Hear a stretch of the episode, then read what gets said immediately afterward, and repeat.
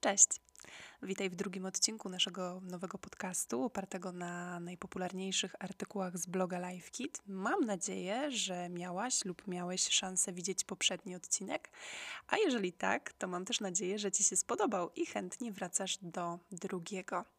Dzisiaj, tak jak obiecałam, porozmawiamy sobie o rekrutacji i motywacji pracowników żłobków i przedszkoli. Swoją wiedzą, a w zasadzie to bardziej nawet y, wieloletnim doświadczeniem, co jeszcze cenniejsze, podzieliła się z nami w tym temacie Magdalena Łuszcz. Magda w swoim życiu otworzyła już niejedną placówkę, a co za tym idzie, zatrudniła też niejednego pracownika, więc myślę, że jej rady mogą e, być może nie przekładać się w 100% na akurat Twoją sytuację, ale być może będą dla Ciebie cenną inspiracją. Magdalena zostawiła nam takich porad aż 15. Podzieliłam je na te rekrutacyjne i te motywacyjne. I tak jak wspomniałam, pewnie nie wszystkie sprawdzą się u każdego tak samo, ale myślę, że warto się z nimi zapoznać. Także zaczynamy sobie od rekrutacji i rada numer jeden: być w odpowiednich miejscach i śledzić rynek pracownika na bieżąco. To jest naprawdę duże wyzwanie. Niełatwo jest rekrutować pracowników do placówek oświatowych, o tym słyszy się nieraz. Bardzo często dyrektorzy narzekają, że ciężko jest znaleźć odpowiedniego kandydata. No i rzeczywiście, tak i w tej sytuacji, jak i w życiu, czasem też jest tak, że jeżeli bardzo chcemy w danym momencie kogoś znaleźć idealnego czy coś idealnego, to wtedy jak na złość akurat niestety nam się to nie udaje. Dlatego warto być na bieżąco. Takich sytuacji nie unikniemy, kryzysowych, ale warto na bieżąco badać rynek pracowników pracowników, sprawdzać, jakie są publikowane ogłoszenia i jacy pracownicy w danym momencie się rekrutują. Dzięki temu, kiedy już dojdzie co do czego, to będziemy przynajmniej na bieżąco i dobrze poinformowani. Warto też przy tym słuchać swojego zespołu i wykorzystywać sieć relacji pomiędzy ludźmi. Często zdarza się, że ci pracownicy, których już mamy zatrudnionych w placówce, mają na przykład fajnych znajomych, z którymi studiowali, czy z którymi zetknęli się na innym etapie swojej ścieżki zawodowej i wiedzą, co u nich słychać, i wiedzą na przykład, kiedy taka osoba poszukuje pracy. Dyrektorzy zapytani o to, w jaki sposób pozyskiwali swoich najfajniejszych pracowników, często odpowiadają, że właśnie z takiego polecenia.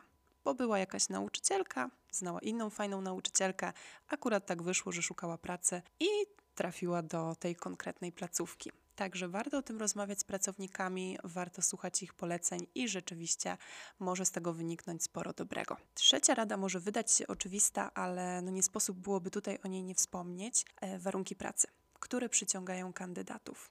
Nie da się ukryć, że praca nauczyciela jest pracą ciężką, wymagającą ogromnej ilości zaangażowania, a przede wszystkim ogromnej ilości włożonego serca. Co za tym idzie, powinna być no, nie tylko dobrze opłacona, ale też dobrze doceniona i tak organizowana, aby pracownik sam chciał do nas przyjść. Ze względu właśnie na te warunki, ze względu na dobrą opinię. Tak samo jak e, rodzice są najlepszym nośnikiem dobrej opinii o placówce do innych rodziców, tak nasi pracownicy są najlepszym przekaźnikiem opinii o warunkach pracy u nas e, w stosunku do innych osób, które możemy zatrudnić.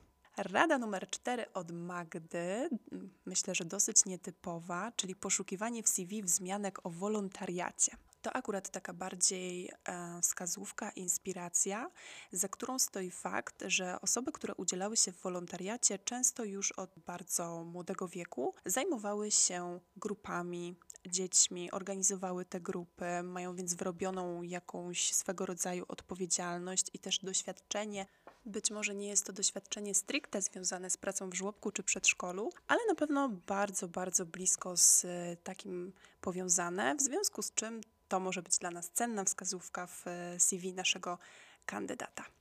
Kolejne wskazówki pozwolę sobie połączyć, bo to są już takie rzeczy, które um, każdy wybiera sobie trochę sam, czy zwraca na nie uwagę, czy nie. Na pewno wszystko kryje się za tym, żeby dziecko przy danej osobie czuło się bezpiecznie. Podejście do wyglądu osób pracujących w przedszkolu, to znaczy do elementów wyglądu takich jak mm, długie paznokcie czy oryginalny styl ubioru, jest już naprawdę bardzo indywidualne. To od ciebie głównie zależy, jaka jest Twoja wizja kandydata, co sobie bardziej w tym kandydacie cenisz. W przypadku Magdy, Magda przyznała wprost, że u niej długie paznokcie niestety zostają za drzwiami. Natomiast myślę, że z całą pewnością większość e, z nas zgodzi się tutaj, że taką dużo ważniejszą rzeczą i jednocześnie kolejną poradą, jaką dostaliśmy od Magdy, jest sprawdzenie, czy wizja podejścia do wychowania jest spójna z taką, jaką posiadasz e, ty, jaką reprezentuje Twoja placówka czy Twoi nauczyciele. Oczywiście osoba e, starająca się o pracę w przedszkolu czy żłobku musi przede wszystkim posiadać konkretną wiedzę, taką typowo merytoryczną, ale też bardzo ważne jest odpowiednie podejście do wychowania. Niektóre placówki mają na przykład konkretne nurty pedagogiczne czy konkretne motta, które im przyświecają. I oczywiście warto, aby to, co ma dawać placówce pracownik, było spójne z koncepcją pracy w danym nurcie czy zgodnie z danym mottem. Bo jeżeli to będzie się rozjeżdżać, to na tym tle mogą później powstawać e, konflikty, a tego oczywiście nie chcemy. Kolejną bardzo ważną rzeczą, zresztą związaną z cechą, którą jako pierwszą podają dyrektorzy, zapytani o to, jaki powinien być wymarzony pracownik placówki, to kreatywność w odniesieniu do konkretnych sytuacji. Tutaj Magda podpowiada, bo oczywiście chcemy, aby pracownik był e, kreatywny, żeby był w stanie zaproponować e, ciekawe rozwiązania, zabawy czy prace plastyczne dzieciom, ale w tej wskazówce chodzi bardziej o sytuacje stresowe a właściwie nawet podwójnie stresowe, bo sama rozmowa kwalifikacyjna w żłobku czy przedszkolu, jak każda inna rozmowa rekrutacyjna, jest już sama w sobie stresująca. Natomiast tutaj Magda radzi jeszcze sprawdzić, zanim będzie mogło to być zweryfikowane w praktyce, to sprawdzić, jak pracownik poradziłby sobie z danymi sytuacjami problemowymi. I tu nie chodzi właśnie konkretnie o zabawy czy prace plastyczne, tylko sytuacje związane na przykład z rozwiązywaniem konfliktu między dziećmi, czy sytuacji trudnej między rodzicem a nauczycielem. Warto zadać takie trudniejsze pytania i zobaczyć, na ile kreatywnie e, nasz kandydat podejdzie do rozwiązania takiej sytuacji. Oczywiście wiadomo, że w praktyce to zawsze wygląda trochę inaczej, natomiast teorii w trakcie tej pierwszej rozmowy kwalifikacyjnej odpowiedź może też nam już wiele podpowiedzieć na temat tego, jaki jest nasz e, kandydat i czy chcemy z nim współpracować. No i oczywiście zaraz za kreatywnością chcielibyśmy też zapewne, by była to osoba odpowiedzialna, czyli świadoma podejmowanych zobowiązań i gotowa wywiązywać się z tych zobowiązań. To jest oczywiście bardzo ciężko sprawdzić na pierwszej rozmowie kwalifikacyjnej, więc Tutaj musimy trochę zaufać swojej intuicji i poprowadzić rozmowę kwalifikacyjną po odpowiednich torach. Natomiast czasem rzeczywiście warto zaufać swojemu pierwszemu wrażeniu, dać się kandydatowi wykazać, ale i wyciągnąć własne wnioski. No i wreszcie jeden z najważniejszych etapów rozmowy rekrutacyjnej dla wielu dyrektorów, czyli wykazanie się w praktyce. Zajęcia próbne, zajęcia pokazowe to jest kolejna bardzo stresująca sytuacja. Wiele osób stresuje się mocno tego typu wyzwaniami. Rozmowa kwalifikacyjna to przy tym często malutki pikuś. Natomiast nie da się ukryć, że jest to rzeczywiście sposobność, żeby zobaczyć, jaki kontakt kandydat na wychowawcę czy opiekuna ma z dziećmi, na ile jest w stanie otworzyć się przed tymi dziećmi, jak nawiązuje ten kontakt, jakie zabawy, jakie konkretne rozwiązania podsuwa dzieciom i jak to wygląda już właśnie wtedy w praktyce, w tej zabawie, czy tam w nauce. Zajęcia pokazowe to często drugi etap rekrutacji i najczęściej dyrektorzy wskazują, że jest to dla nich decydujący etap. Rozmowa kwalifikacyjna to jedno, ale właśnie to pokazanie potem w praktyce swoich umiejętności, a przede wszystkim właśnie tej odpowiedzialności, kreatywności, dobrego kontaktu z dziećmi, to jest często ten moment, który decyduje o tym, czy chcemy zatrudnić danego pracownika, czy nie. Jeżeli chcemy, to teraz czeka nas e, druga trudna część, e, która trwa już bardzo długo, a w zasadzie zawsze od momentu, kiedy zatrudnimy pracownika e, w trakcie całej naszej współpracy, czyli motywacja. Na dyrektorze, jako na osobie, która rekrutuje i buduje swój zespół, spoczywa tutaj bardzo ważna rola bycia wsparciem dla swoich pracowników. Z tym wiąże się kilka aspektów, między innymi poszanowanie tego, że jest to ciężka praca. I na przykład Magda tutaj podpowiedziała mi, że ma taką złotą zasadę, że nigdy nie odmawia pracownikom wypoczynku. No, oczywiście w granicach rozsądku, ale kiedy tylko jest taka możliwość, nie odmawia urlopu. Jeżeli pracownik daje sygnał, że potrzebuje tego wypoczynku, kto woli, żeby poprosił o urlop, niż na przykład symulował chorobę. Niejednokrotnie zdarzają się sytuacje, i Magda opowiadała, że często bywało tak, że nowi pracownicy stresowali się, gdy pierwszy raz mieli jej zapytać, czy mogą wziąć urlop. Ważne jest tutaj, żeby te zasady były oczywiste i żeby pracownik wiedział i miał pewność, że w momencie, kiedy jest przemęczony, kiedy coś mu dolega, to może przyjść, powiedzieć o tym i wspólnie poszukać z dyrektorem rozwiązania.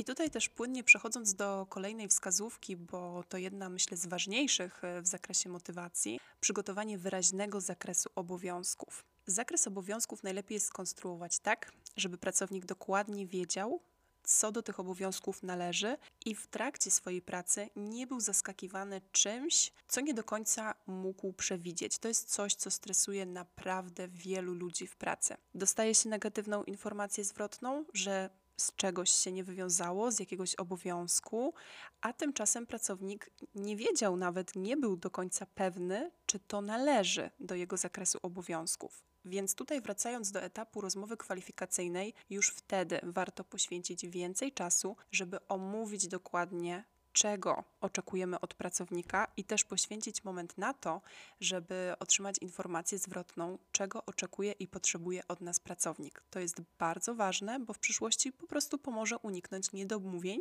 i sytuacji, w których trzeba przekazywać odpowiedzialność e, w kryzysowych momentach od osoby do osoby, a dzięki temu zaoszczędzimy trochę energii i na pewno unikniemy takiego bałaganu. E, w takich momentach. Bardzo ważna będzie również e, inwestycja w kompetencje pracownika, i tutaj naprawdę mamy szereg różnych rzeczy, które możemy zrobić, żeby nie tylko zmotywować e, jednostki, ale również zintegrować grupę. Mamy wyjścia integracyjne, warsztaty kompetencji miękkich, interpersonalnych czy merytorycznych. To sprawia, że pracownicy czują się zaopiekowani i dodatkowo postrzegają swojego pracodawcę jako kogoś, kto daje im tę możliwość poszerzania kompetencji. I wychodzą nam z tego dwie korzyści. Po pierwsze, mamy pracownika, który poszerza swoje możliwości, cały czas uczy się czegoś nowego, poszerza swoją kreatywność również, a po drugie, to wszystko wraca do nas w postaci po prostu dobrego pracownika, który jest zintegrowany z grupą i wie, że ma przestrzeń do własnego rozwoju. Wszystko to sprowadza się do dużej ilości rozmów i to jest wskazówka już chyba czternasta w zakresie motywacji czwarta rozmowy, pytania, słuchanie, informowanie. Oczywiście nie wszystkie potrzeby będziemy w stanie spełnić e, z obu stron, ale zdarza się, że pracownik nie wie, z czego wynika jakieś działanie, przez to się sprzeciwia temu działaniu, z tego powstają również konflikty. Natomiast jeżeli dużo rozmawiamy, pracownicy znają powody naszych działań i je rozumieją, to zazwyczaj przestaje być problemem. Także dostęp do takiej wiedzy nie powinien być limitowany. No i w końcu branie odpowiedzialności za swój zespół to już jest e, wskazówka ostatnia na dzisiaj. Bardzo ważna jest atmosfera wzajemnego zaufania w ogóle dobra atmosfera w zespole. A jednym z takich e, ważnych czynników tej atmosfery jest to, że pracownicy mają to przekonanie, że kiedy jest jakiś problem, to mogą z tym przyjść do dyrektora i najpierw szczerze o tym porozmawiać, wyjaśnić swoją perspektywę i nie musieć kryć się z tym, co naprawdę myślą, czy ze swoją perspektywą. Więc warto, żeby nasi pracownicy byli przekonani, że stoimy po ich stronie i że zawsze, kiedy coś się wydarzy, to jesteśmy gotowi tego wysłuchać. To była ostatnia rzecz na dzisiaj. Mam nadzieję, że któreś z tych rad rzeczywiście do Ciebie trafiają i będą dla Ciebie źródłem inspiracji. Tak jak wspomniałam na początku, pewnie nie wszystkie sprawdzą się u każdego dyrektora i w każdej placówce, ale mam nadzieję, że część z nich znajdzie odniesienie również i u Ciebie.